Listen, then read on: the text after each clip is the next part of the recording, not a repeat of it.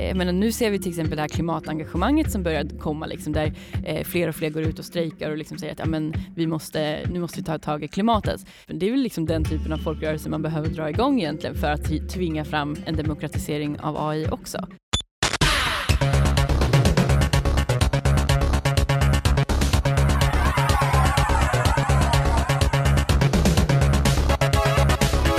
Välkommen till Kjellander Björk som idag befinner sig på Good Tech Conference i Sundsvall.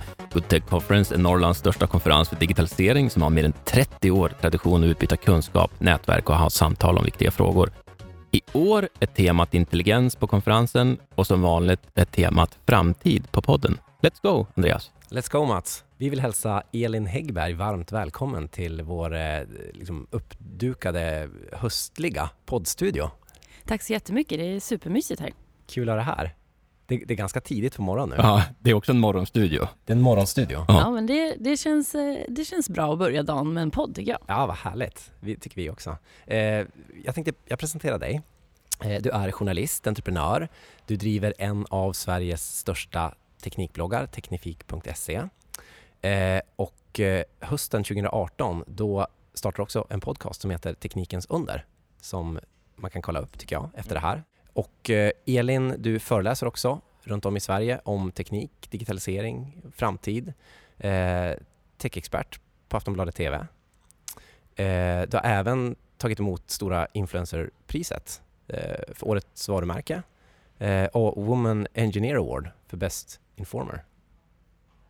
Har jag, är det, stämmer den här researchen eller har jag hittat en annan Elin? Det stämmer, stämmer bra det. Ja, grymt. Det, det, låter, alltså, det låter ju det låter fantastiskt. Det gör ju alltid det när man radar upp saker på ja. det här sättet. Ja. Men du, kan vi inte börja vid, vid bloggen? Ja. Eh, den har du ju kört rätt länge. Yes, sen eh, januari 2016. Ja, och den är ju, eh, alltså den är ju väldigt matig. Det är mina ord här nu då. Alltså den är ju enormt bred och mycket content och det där är, det, det känns som att du har lagt lite tid på det. Ja, men det har jag verkligen gjort. Mm. Eh, jag startade den med en tydlig ambition att jag ville eh, bygga någonting som jag kunde faktiskt jobba med på heltid. Det mm. var liksom målet. Mm. Och, eh, så innan jag startade igång så hade jag ju dels ett långt intresse för bloggen som format bakom mig. Det var bland annat det jag skrev mitt projektarbete om på gymnasiet. Ja, så jag var liksom lite nördig på formatet så och jag hade följt bloggar väldigt länge och liksom la ett år egentligen på research innan jag startade bloggen. Bara liksom att göra en strategi, så här, målgruppsanalys, mm. eh, contentstrategi, verkligen försöka hitta liksom, hur ska mitt innehåll se ut, vad kommer vara värde för den här målgruppen. Alltså jag gjorde verkligen så en riktig affärsplan egentligen. Mm. Eh, och eh, det gjorde ju att när jag väl startade igång bloggen, till skillnad från många andra kanske som bloggar, så är det ofta så att man börjar en blogg utan någon tydlig strategi och sen så jobbar man fram strategin allt eftersom. Och då kan man lyckas superbra, men det kanske tar 5-6 år mm. innan man lyckas få den där stora publiken. Sen är det absolut vissa som får så raketkarriärer, det händer ju alltid liksom. Mm. Men jag kände att så här, ja, men jag har inte så mycket jag är, jag är, inte känd för något annat, jag är inte liksom modellsnygg att jag kan bygga på det. Liksom, utan det jag vill göra är ju liksom att verkligen skapa något som känns värdefullt mm. för den målgruppen jag vill rikta mig till. Eh, och då la jag jättemycket tid på att helt enkelt eh, fundera på hur jag skulle göra det på bästa sätt. Ämnet här då är centralt. Eh, det, det vi ska också prata om här idag. Eh, det, liksom, man hör ju av namnet Teknifik. Jag tänker ditt intresse och liksom för teknik och ditt eh, liksom, kärleksförhållande till internet? Hur ser det ut? Ja, men jag vill ju verkligen eh, lyfta tekniken som ett verktyg som alla ska kunna använda. Det ska mm. inte vara någonting bara för de som ser sig som teknikintresserade eller tekniknördar. Utan teknik är ju liksom något vi alla måste leva med. Och det är också någonting som är väldigt relevant för oss alla eftersom det påverkar framtiden så mycket. Mm. Vi kan ju redan nu bara se de senaste tio åren hur liksom smartphones har förändrat jättemycket av liksom beteenden och hur vi eh, navigerar i vår vardag, mm. samhällstjänster. Alltså allting allting har förändrats väldigt fort. Och tittar man sen då på nu hur artificiell intelligens kommer in och börjar kunna göra helt fantastiska saker, men samtidigt som det liksom smyger lite in i vår, i vår vardag. Jag tror mm. inte att många reflekterar över i sin vardag hur mycket artificiell intelligens faktiskt är, är med i deras vardag, Nej. i deras mobiltelefoner, på internet. Eh, och där vill jag ju också att många fler ska känna att så här, ja, men det här är någonting som eh, jag som vanlig person faktiskt kan vara med och styra framtiden av. Mm. För vi behöver det. Eh, så att jag vill ju verkligen alltid sätta liksom människan i fokus för tekniken och inte fokusera på prylarna som sådana eller tekniken som sådan utan att faktiskt fokusera på vad som händer med oss människor och hur vi får fler människor att känna sig att de är delaktiga, att de kan använda de här verktygen mm. så att det blir liksom, eh, ja, men en framtid som gynnar fler än bara tekniknördar. Det här tycker jag går igen jättemycket när man lyssnar på din podd, alltså människofokuset. Är det liksom, vad får du för, för respons på, på podden och liksom med den här inflygningen mot teknik eh, hos din publik? Men responsen är oftast så här, jag är inte intresserad av teknik men jag älskar din podd. Mm. Eller, jag, all, jag skulle aldrig ha lyssnat på ett avsnitt om blockchain Nej. men jag gjorde det med din podcast. Mm. Alltså att många känner att liksom, de, de, in, de känner sig inte tilltalade av de här ämnena i vanliga fall. Men när de kan få det presenterat på det här sättet mm. eh, så känner de sig, eh, ja, men man känner att man får ny kunskap, man förstår någonting mycket bättre. Och det är en ganska härlig känsla mm. att känna att så här, man förstår någonting som tidigare känns komplicerat och väldigt långt borta och helt plötsligt känner man att ja, men, jag kan faktiskt koppla det här. Eh, och jag tycker det, eh, ja, men det känns som att det behövs liksom, eh, att eh, vi gör tekniken tillgänglig för många. Liksom. Man ska mm. inte behöva känna att aha, en teknikpodd, ja, men det, jag är inte så intresserad av teknik, utan att man kan se att okay, men det här är något som påverkar alla i samhället. Liksom. Eh, och en eh, sista på den då, är det för det känns som att det, det är värdet av teknik, eh, schysst distribuerat, som är vägen fram på något sätt här i, i din vision. Får du, ser du att du får effekt med det också? Ja, alltså det, den effekten som jag kan se är väl att det är inte bara så att, om man tänker liksom att ja, men jag startade min blogg för att nå en publik då som jag tänkte så här, jag vill nå de som inte ser sig som teknikintresserade. Jag vill nå också framförallt kvinnor som mm. andra teknikmedier har jättesvårt att nå. Mm. Eh, så jag vill presentera på ett annat sätt och liksom göra det på ett sätt så att, eh, för jag tycker kvinnor är liksom en superviktig målgrupp där eh, såklart. Och, eh, och, och, den effekten jag ser då är ju att min blogg är inte bara liksom den största kvinnobloggen mm. för teknik, utan så här, min blogg är ju faktiskt eh, den största liksom, personligt drivna teknikbloggen i Sverige, mm. om man ser till liksom, eh, impact kanske. Mm. Så, så här, både hur mycket läsare har, men också liksom, eh, de uppdragen som jag blir inbjuden till och vad jag får mm. göra.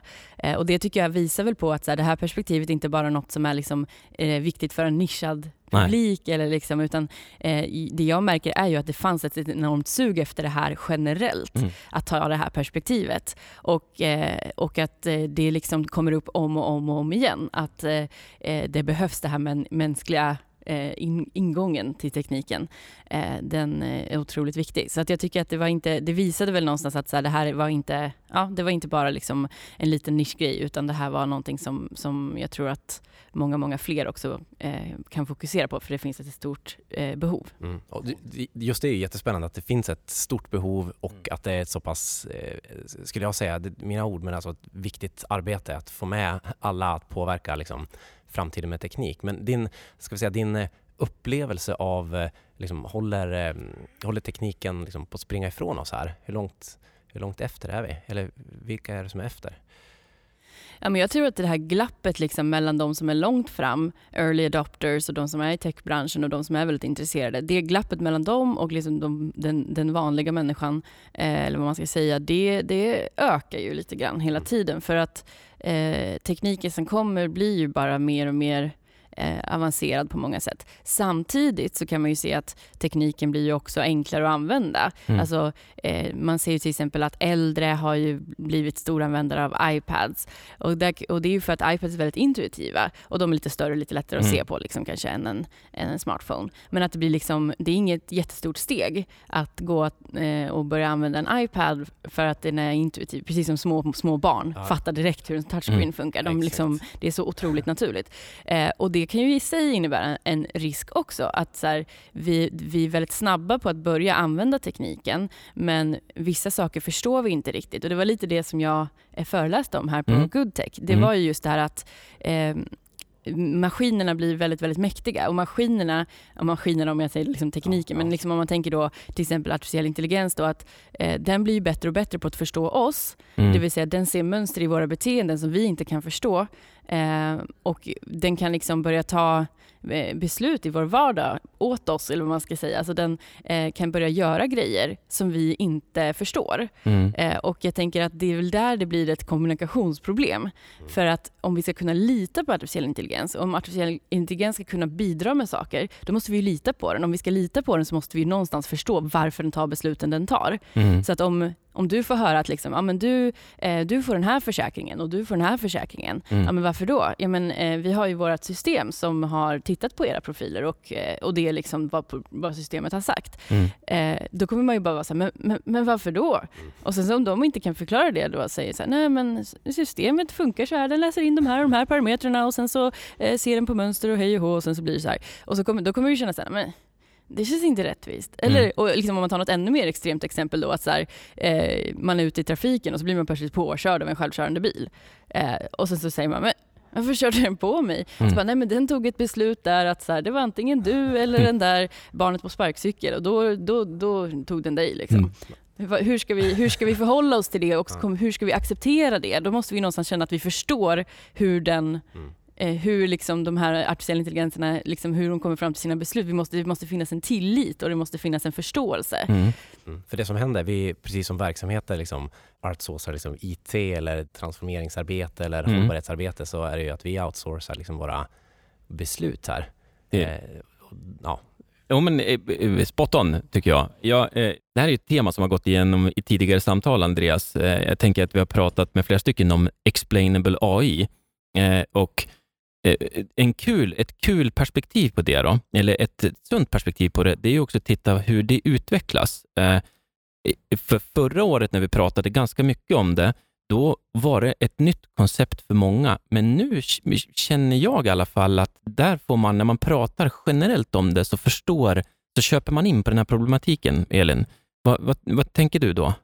Ja, men jag upplever också att från, från teknikbranschen och från de som är insatta i det här mm. så, så har det varit väldigt stort fokus nu på det här med etisk AI, explainable AI och man har börjat prata om de här frågorna. Men eh, jag vill ju försöka lyfta det här då till fler. Mm. Att se att eh, det handlar liksom inte bara då om att eh, vi ska liksom, det blir så mycket fokus på det att vi ska liksom, vi som blir utsatta för AI, om man ska säga, mm. nu gjorde jag kaninöron på utsatta, mm. men alltså att vi som ska liksom ta emot eh, allt det här som AI ska göra, vi som ska liksom bara leva i den världen. Mm. Eh, det är ju vi som är de viktiga att förklara för. Mm. Eh, och det är, ju, det är där jag tänker att det är så viktigt att vi kommer in också tidigt eh, att eh, som samhället kommer in tidigt mm. och faktiskt är med och påverkar Absolut. hur det här ska göras på. För det är så lätt annars att det blir de här liksom, eh, uppifrån och ner. Liksom, mm. Att ja, men nu har vi bestämt att ni ska få det förklarat för er på det här sättet eller att AI ska göra de här sakerna. Mm. Eh, istället för att man faktiskt ska säga, men hur vill vi, hur vill vi ha det? Mm. Vad är vi okej okay med?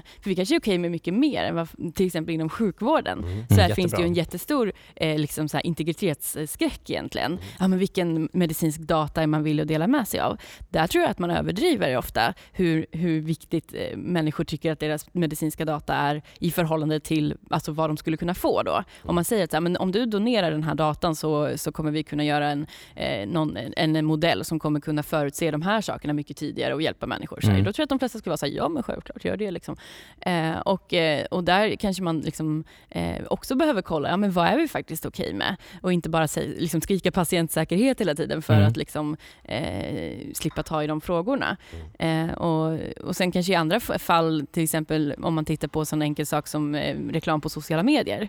Där är det ju väldigt många som upplever att de inte är okej mm. med det som händer. Samtidigt som man känner att man har väldigt litet inflytande över Eh, hur, de, hur de modellerna ser ut och, och hur de kategoriserar den. Liksom tror du där då, en, en sista på den innan vi flyger in och spanar lite grann på eh, den här pinfärska rapporten, Svenskarna och internet 2019. Eh, tror du att vi kommer komma till ett läge där vi får så här demokratiska arbetssätt för teknikutvecklingen, så att man kan, så att gemene man är med i den här eh, Jag menar, det du pratar om här nu är ju egentligen en större delaktighet i, i vilken utveckling, vilken påverkan teknik ska ha. Tror du att vi kommer komma dit om du spanar framåt? Eh, det är ju skillnad på vad man tror och vad man hoppas. Mm, mm. Än så länge har vi inte något jättebra track record Nej. för de här sakerna. Eh, kan man ju inte påstå. Och eh, en sak som jag lyfte i min föreläsning här på Goodtech var ju också att eh, vi människor har ju en tendens att liksom utveckla framåt och sen så ser vi oj vilka problem som uppstår och så löser vi de problemen och så mm. håller vi på sådär. Och så nya lösningar kommer nya problem och så där håller det ju på hela tiden. Och det är ju det vi märker nu också med artificiell intelligens, att säga, ja det kan lösa jättemycket problem mm. men det är också nya problem som uppstår. Mm. Och jag har intervjuat Max Tegmark mm. som är ju forskare på MIT och om just artificiell intelligens. Och det han sa, det var ju liksom att nu vore det väldigt bra om vi kunde tänka efter före och Japp. inte göra misstagen med AI, för det kan bli det sista misstaget vi gör. Liksom. Mm. Och Det kan ju låta extremt, men jag tror ändå att han är ganska insatt. Mm. Eh, och Jag kände att det, det, resonerar verkligen med hur jag upplever också, att jag tänker att eh, innan vi får för stora problem och innan vi släpper lös för, för liksom mäktiga maskiner, mm. eh, så behöver vi ta det här först. Mm. Och Det kräver ju ganska mycket från oss som samhälle, men jag tänker att det Eh, jag menar, nu ser vi till exempel det här klimatengagemanget som börjar komma, liksom, där eh, fler och fler går ut och strejkar och liksom säger att ja, men vi måste, nu måste vi ta tag i klimatet. Eh, den typen, det är väl liksom den typen av folkrörelse man behöver dra igång egentligen för att tvinga fram en demokratisering av AI också. Eh, men eh, jag tycker ändå att just att man hör det på så många, från så många olika håll tyder ju ändå på att det finns ett intresse från både liksom industri, politiskt håll eh, och massa andra som driver de här frågorna. Och då har vi i alla fall en, en god chans. Den där, nu kan jag inte släppa det där. Nu måste, du få en, nu måste jag göra en respons till på den då, innan vi går igenom rapporten. det där har ju vi också pratat en del om innan, Andreas. Jag tittar på dig här. hur, för en stor tanke då, det är ju egentligen ett, ett kulturellt drivkraft bakom vår utveckling. Den är, eh, det finns eh, eh, vinstoptimering på kort horisont, driver ju mycket av vår ekonomi. Och det som Max eh, pratar med dig om och också pratar om i boken eh, Liv 3.0 är ju att det, den, det liksom synsättet kommer inte guida oss rätt här i det här skiftet. Eh, så vad kan vi göra då? Eh, liksom om vi har, eh, nu sitter vi här tre stycken med, med relativ påverkan, i alla fall eh, kanske i, i, i, Sverige. Vad kan vi göra för att det där ska bli sunt? För att vi ska flyga in sunt mot det här långa skåpet av AI som är sjukt komplext. Eh, alltså, en telling, ja, den är ju jätte, jättesvår att föreställa sig. Har, har du något sånt där magiskt tips? Ingen press. Nej, men jag tror verkligen på att vi måste prata om det här då med många fler, mm. inte bara med tekniknördar. Och då handlar det om jättemycket att faktiskt prata om oss människor, mm. inte om tekniken. Alltså att inte gräva ner sig allt för mycket i just Nej. vad är machine learning, vad är mm. deep learning. Alltså absolut att vi behöver förklara begreppen, men det, det viktiga vi ska förklara det är just så här, okej, okay, den här potentialen finns, de här sakerna kan man göra. Och det som Max Tegmark sa och som jag verkligen håller fast vid, det är ju det här att vi ska inte gräva ner oss i domedagsscenarion scenarion. Nej. För då ser vi bara vad vi inte vill ha. Eh, och, och, men då är det det enda vi ser. Och då är det också som att många accepterar bara att det är så det kommer bli. Mm. Eh, och det är lite som, med, man, man kan jämföra det då med som med Facebook mm. eller Google. Att många är så här, vi har jättelåg tillit till de företagen. Det mm. visar ju till exempel den här rapporten vi ska prata om, Svenskarna och internet. Så vi har inte så hög tillit till de här företagen. Eh, jättemånga tror att de gör massa saker mot oss. Som, alltså, att de tjuvlyssnar till exempel genom mobiltelefonerna mm. på allt vi pratar om.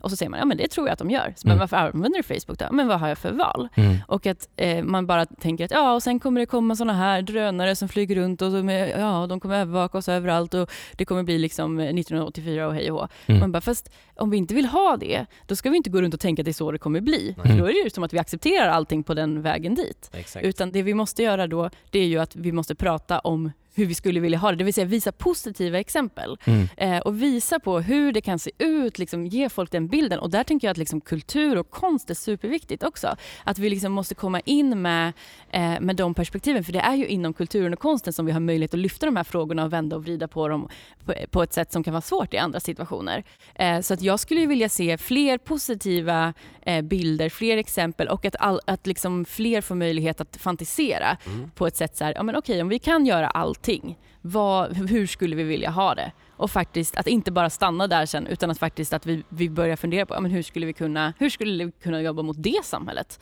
Och vad är vi då okej okay med och inte mm. okej okay med?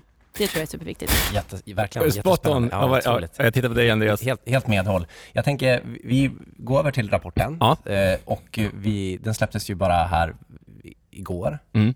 Förrgår. Ja. Förrgår, ja. ja. Dagarna går snabbt. Eh, Svenskarna och internet eh, och eh, vi, ha, har du hunnit eh, konsumera den, Elin? Ja, nej, men jag har eh, läst igenom den. Eh, det är ändå lite, man brukar säga att det är julafton i internetvärlden mm. när in, svenskarna och internet kommer. Och lite så är det ju. Det mm. är väldigt eh, intressant och kul att se hur utvecklingen har gått från föregående år. Mm. Någonting spontant innan, för vi tänkte, vi tänkte göra ett litet... Langa lite siffror. Ja, ett litet, litet bus med det. Vi langar siffror och du reflekterar. Eh, då får du några sekunder på att komma med krispiga återkopplingar. Men innan du gör det, var det någonting signifikativt i rapporten som du tyckte var extra spännande här? Ja, men det som är spännande är ju att eh, liksom, eh, för första gången egentligen så ser vi att eh, användandet av sociala medier stagnerar. Mm. Alltså det sl har slutat att öka det har planat ut och i vissa fall även sjunkit. Mm. Eh, och Det tycker jag är jätteintressant och det går helt i linje med liksom, eh, den upplevelsen jag har haft det senaste mm. året av hur människor relaterar till sina sociala medier. Och Jag tycker ändå att det är intressant också att man har ställt de här frågorna om meningsfullhet, även om det är ett luddigt mått på många sätt. Alltså hur, vad är meningsfullt och hur uppskattar man det? Mm. Men det säger någonting om hur vi liksom börjar reflektera kring sociala medier på ett sätt. Mm. Eh, och att eh, också att de här de här tjänsterna vi har eh, inte, ja men människor kanske upplever att de inte riktigt fyller eh, så stort behov eh, som de kanske gjorde förr eller att nyhetens behag har avtagit. Liksom. Så mm. det är väl liksom min största så här, mm. takeaway. Mm. För, den, den, första här då, den här tycker vi är kul. 55% av svenskarna konsumerar podd. Eh, där då, apropå det du pratar om meningsfullhet, 48% svarar att de tycker att det är meningsfullt. 28 eh, svarar liksom ej meningsfullt. Mm. mm. Hur Vad tänker du? Du har ju en egen podd här också. Ja, men man, det är klart man blir glad. Mm. Eh, jag har ju alltid förespråkat ljudmediet mm. eh, och jag tycker också att det finns ett otroligt värde i de här lite längre formaten. Alltså sociala medier bygger ju på så här sex sekunders mm. uppmärksamhet mm. på ett inlägg ungefär. Det är otroligt liksom snabbkonsumerat och då blir det ju också, då hinner man ju inte gå på djupet i saker. Och det som är så bra med poddar är ju att man har möjlighet att faktiskt eh, gå djupare i saker, lära sig nya grejer eller bara liksom eh, konsumera någonting i ett annat tempo. Och det märks ju att det är någonting som många ändå gillar och uppskattar. Att man tycker att det är bättre spenderad tid än att eh, spendera tid på sociala medier. Mm. Eh, det är väl jätteintressant. Och samma sak med video också. Även video är någonting som många tycker att, alltså, att titta på Youtube, det upplever man har större eh, mening än att eh, sitta på sociala medier. Så att, och det här kan man väl se också tycker jag, en, alltså, om man pratar om hur, hur vi till exempel i influencervärlden har pratat länge. Mm. Då pratar vi mycket om så här, just att hur viktigt det är att faktiskt börja fundera på eh, Youtube till exempel som en kanal. Att in, och att eh, många har startat podd eh, och inte bara liksom förlita sig på sociala medier, inte bara förlita sig på bloggen som mm. plattform, liksom, utan att eh, de, här, de här formaten är väldigt eh, viktiga för att bygga de här relationerna till sina mm. följare, för att bygga eh, en, en stabil liksom, plattform som man också har kanske lite mer kontroll över, som inte är liksom, det här med algoritmerna på sociala medier och vem får komma upp i flödet och hej och ja, liksom. Jätte, jätte, jättespännande. Bra, bra reaktion. Eh, eh, en, innan vi hoppar in på nästa, eh, så meningsfullhet ställde de frågan om för första gången i år och det har fått lite olika respons när vi, när vi lyssnade in. Va, vad, vad känner du själv om den frågan? Ja, men jag tycker ju liksom att så här, den, den känns ju eh, intressant. Mm. Eh, den, jag tycker ändå att det var, liksom, det var, det var intressant att, att se eh, svart på vitt hur folk upplever det. Mm. Eh, sen så är det ju ändå eh, också svårt att säga, för det var ju lite som vinkeln blev då är ju att så här, eh, man får känslan av att ja, men det är inte är så meningsfullt nu mm. som att det har varit menings, mer meningsfullt förr och det mm. vet vi ju inte. Nej. Vi kanske alltid har haft den här känslan kring sociala medier, att det inte är så meningsfullt men vi gör det ändå. Mm. och så tittar man också på en sån sak som spel, att spela på mobilen, jättemånga som gör gör det, tycker inte att det är så meningsfullt, men man gör det ändå. Så då känner man också så här, okej, okay, men uppenbarligen fyller det ju behov. Det är inte mm. som att det är liksom meningslöst, alltså att man gör det och bara känner så här, det här, varför jag gör det här? Mm. Utan att det handlar mer om så här, vad lägger man då i ordet meningsfullt? Ja, men då kanske man känner att det ska vara något som ger en liksom en riktigt god känsla i magen eller någonting. Alltså jag, mm. ja, jag tycker det är, det är ett lite luddigt begrepp som sagt. meningslöst är enklare att förstå. Ja, och det är en helt annan sak. lite ledande. Alltså meningsfullt och meningslöst är ju inte nödvändigtvis Nej. varandras motsatser. Nej eller vad man ska säga. Alltså det behöver inte bara för att man svarar då sociala mening, jag tycker inte sociala medier känns meningsfull tid, liksom att jag spenderar meningsfull tid. Det behöver inte betyda att man tycker att det är meningslöst. Eh, så att det är väl det där som blir lite så här lurigt i, i den frågan. Och jag hade ju önskat på ett sätt att man såklart hade frågat det här tidigare. Det hade varit ja. intressant att ha något att jämföra ja, med. Men exakt, att följa en utveckling här. Ja. Nu vet vi inte, är det här vad är det? Är det bra eller dåligt? Det ska tilläggas också till den här, den, det som är magiskt med den här rapporten, tycker jag, det är ju just att de, den här långa perspektiven och trenderna. Så det blir kul att följa det här ordet, även om det är lite luddigt och svårt och det är väldigt subjektivt mm. eh, i det. Ja, vi eh, hoppar vidare. Eh, 80, ja, 84 mm. procent av svenskarna och 89 procent av internetanvändarna använder mobilt bank-id, Elin. Vad tänker du? Och det ökar. Ja, men där har vi ju, tycker jag, lyckats riktigt bra i Sverige. Mm. Att eh, liksom implementera det och det har ju verkligen lyft liksom hur enkelt det är att logga in säkert på ställen, jag tycker jag stöter på det hela tiden nu i olika tjänster som mm. bygger in BankID som inloggningsmetod. Det underlättar ju enormt. Man slipper skaffa en användare, man vet att det är tryggt och säkert. Eh, det är ändå en teknik som, även också som en sån grej att så här, jag tror inte att alla som använder det förstår, eh, man förstår ju inte tekniken bakom det, förstår jag knappt själv. Liksom. Mm. Men man förstår att det är någonting säkert i det. Alltså det, för det är som en bankdosa men det är i mobilen. Alltså man, man kan koppla den tekniken. Att ja, det, här, det här är vettigt. Liksom. Ehm, så att jag tycker det är jättekul att se hur, alltså hur snabbt ändå det har gått och jag tror att det, och det upplevde jag när jag läste också lite intervjuer med personer om mm. så här samhällstjänster och sånt att, eh, kring den här rapporten då, att det var många som sa det just att ja, men, man använder gärna de här digitala tjänsterna från Skatteverket till exempel, så det är ju fantastiskt. Mm. Eh, 99 procent av svenskarna har tillgång till internet. 95 procent använder det. Ja, Ja, nej men det finns ju såklart människor som inte gör det. Och det, det är ju mycket bland de äldre. Mm. Där man helt enkelt, och då säger de ju att de ser inte nyttan i det. Alltså man förstår inte varför man ska använda det. De flesta ja. Ja, och mm. då är det så här, ja nej men okej. Då, man, man, du kan ju fortfarande hanka sig fram. Absolut. De, när de eh, analyserar det också så ser de att det är tre grupperingar, tre populationer. Det är äldre, det är lågutbildade och låginkomsttagande. Ja. Finns det någon fara här över tid?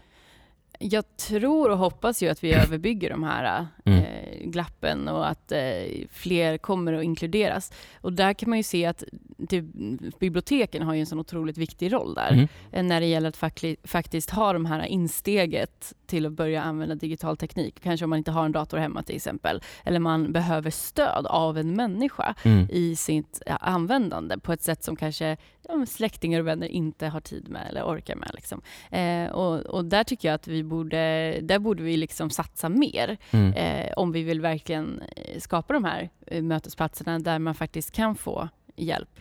Eh, att, att eh, lära sig att använda internet och, och digital teknik. Så att, det får vi liksom inte tappa bort och tro att alla fattar det här och alla kan göra det här. Utan det behövs platser dit man kan få komma och få hjälp. Liksom.